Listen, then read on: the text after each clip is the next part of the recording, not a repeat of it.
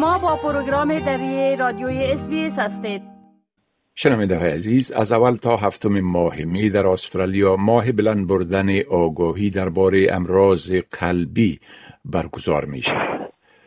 امراض قلبی از جمله کشنده ترین بیماری ها در استرالیا است. ما اکنون محترم دکتر فدا اقبال با خود داریم تا درباره جنبه های مختلف بیماری های قلبی و چگونگی جلوگیری از ابتلا به اونا معلومات بتن. دکتر سبق بال سلام عرض می کنم خب اولتر از همه اگر لطفا بگوین که واقعیات امراض قلبی در استرالیا چقدر است؟ یعنی این بیماری چقدر عمومیت داره؟ تشکر از شما. آقای شکیب ما هم سلام خدمت شنوندگان اس تقدیم می دارم واقعات امراض قلبی سبجکت و مضمون خوب است که امروز سرش گپ می‌زنیم. امراض قلبی و وایی بزرگترین سبب مرگ و میر در کشورهای پیشرفته می باشه قرار ایسا دست داشته در استرالیا در حدود سی فیصد مرگ و میر از سبب امراض قلبی و وایی می باشد یعنی که از سه مرگ عامل و یا سببش یکی مرض قلبی است. در استرالیا هر روز در حدود 55 نفر از سبب امراض قلبی می میرند و یا که در هر نیم ساعت یک استرالیایی از سبب امراض قلبی تلف می شود. می‌تونین بگوین که عوارض و اسباب امراض قلبی چی است؟ عوامل و اسباب امراض قلبی وایی شامل بلند بودن فشار خون، بلند بودن کلسترول یا چربی خون، کشیدن سیگرت، نوشیدن زیاد الکل، مرض شکر، وزن زیاد و فعالیت عدم فیزیکی می باشد. قراره که هایی که در دست داریم بالاتر از سی فیصد مردم استرالیا فشار بلند خون دارند همچنان در حدود سی فیصد مردم استرالیا مساب بلند بودن کلسترول یا چربی خون هستند. مرض شکر عمومیت بسیار زیاد دارد در حدود ده فیصد نفوس استرالیا مرض شکر دارد و در حدود 60 فیصد نفوس استرالیا اضافه وزن است یا وزن اضافی دارند. و در حدود 40 فیصد مردم استرالیا یا هیچ فعالیت فیزیکی ندارن و که بسیار کم فعالیت فیزیکی دارن. همچنان باید گفت که تاریخچه فامیلی هم رول عمده را در اسباب و عوامل امراض قلبی بازی می‌کنه. استرس دپرشن تشوهات روحی هم در بروز و یا به وجود آمدن امراض قلبی وایی کمک می‌کنه و باید گفت که وقعات امراض قلبی نزد مردان نسبت به زنها زیادتر است. بله. خب می‌تونین دکتر صاحب بگوین که اعراض و علائم حمله قلبی چی است؟ اعراض و علائم حمله قلبی از یک شخص تا شخص دیگر فرق می‌کند. اما معمولترین عرض حمله قلبی درد قفس سینه یا چست می باشد این درد به شکل یک فشار یا پرشر یا درد سنگین بوده.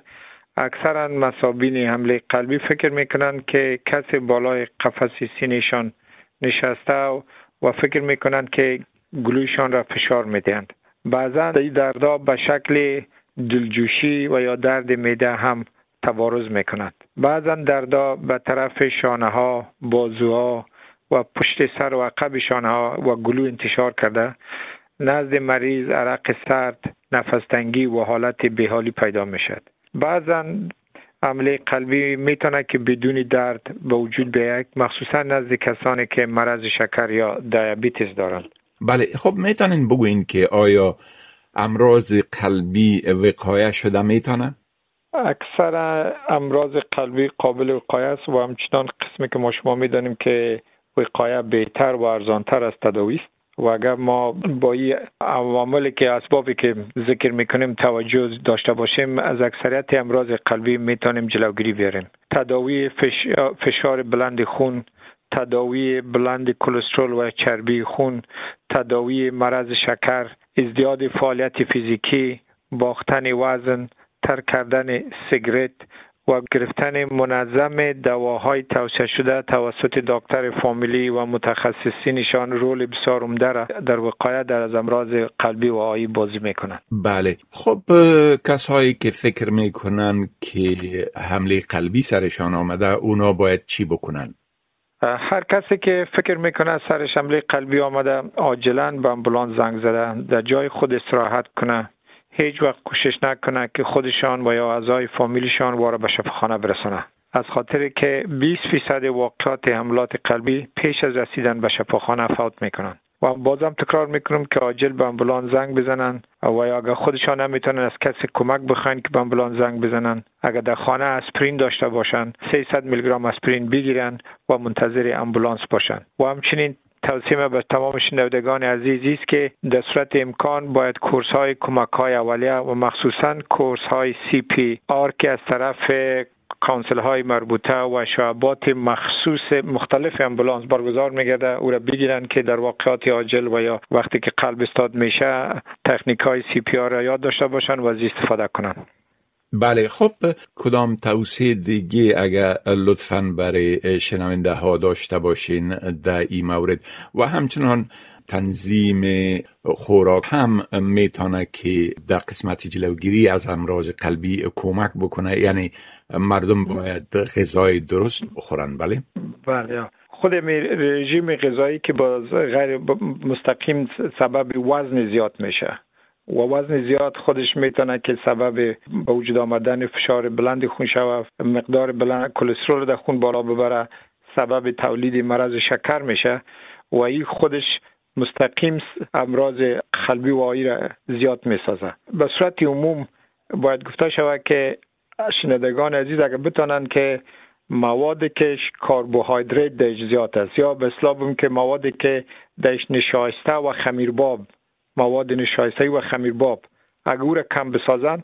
مخصوصا رژیم ماشما که شامل برنج نان خشک چپس چاکلیت سافت درینکس به صورت عمومی اگر بتانن که اینمی مواد در حدود 60 تا 80 فیصد کم بسازن و روز یک ساعت اگر بتانن بر هفته چهار روز یا پنج روز برای قدم زدن برن در حدود 50 تا 60 فیصد امراض قلبی را می‌تونن جلوگیری کنن. و که خودشان وزن میبازن به صورت واختن وزن فشارشان پایین می کلسترولشان پایین می و همچنان مرض شکر زیادترین جوابی را که بر باختن وزن می باشه برنج نان خشک کچالوباب مثلا پیزا پاستا چپس تمام زیا به صورت غیر مستقیم.